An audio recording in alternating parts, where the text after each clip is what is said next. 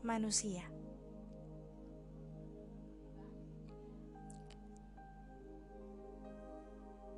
Banyak standar yang sebenarnya manusia jalankan itu selalu merasa hal itu tidak puas. Ya, memang kodratnya seperti itu. Kalau manusia tidak akan pernah merasa puas, apalagi cukup. Setelah aku pikir-pikir kembali, memang benar yang dikatakan orang. Kalau manusia itu pernah punya standar, pernah punya titik di mana sebenarnya dia udah yakin nih sama dirinya kalau di titik itu tuh udah cukup sesuatu hal yang menurutnya udah pas nih, udah cocok nih di titik kayak gitu, udah enough aja. Tapi ternyata ketika dijalani, ketika semuanya sudah berjalan dengan sebagaimana mestinya, tapi keadaan tidak bisa merubah itu. Ya, tetap kembali ke kodratnya kalau manusia tidak pernah puas. Pasti akan selalu ada titik di mana keinginan itu akan menjadi berlebih, berlebih, dan tentunya tidak akan pernah cukup. Tapi menurutku juga dari berbagai ketidakcukupan itu pasti ada proses yakin di mana sebenarnya tuh kita belum yakin kita benar-benar belum yakin sama keadaannya aja ya emang kita rasa kalau ketika kita jalani nanti bakal bisa dan yakin. Tapi ternyata kita tidak pernah tahu kan kalau proses kayak gimana yang akan kita lewati. Proses kayak gimana yang kita sanggup nggak nih? Kita bisa nggak nih untuk tetap yakin kalau pada titik itu kita udah merasa cukup tanpa harus kita meminta hal yang berlebih. Ya, berbicara tentang manusia yang tidak pernah merasa cukup, sama halnya dengan berharap dengan manusia.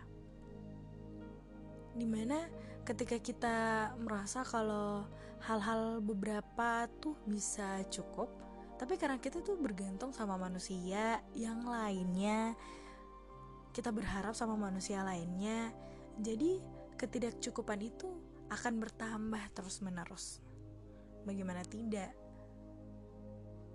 Sebenarnya yang salah tuh kembali lagi kepada manusianya.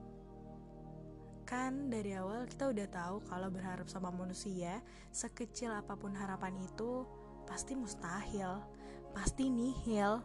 Dan kita tahu di awal kalau kayak gitu, tapi kita tetap jalaninnya. Ya namanya manusia ya, keras kepala, nggak mau lihat ke depannya kayak gimana nggak mau introspeksi kemarin-kemarin kayak gimana ya tetap dijalanin aja tetap batu. Ya gimana ya cara jalanin hidup menjadi manusia yang tidak pernah merasa cukup manusia yang keras kepala manusia yang sering berharap sama manusia? Pasti sulit sih. Tapi menurutku itu udah tertanam nih. Udah jadi landasan dari beberapa manusia yang ada di bumi ini.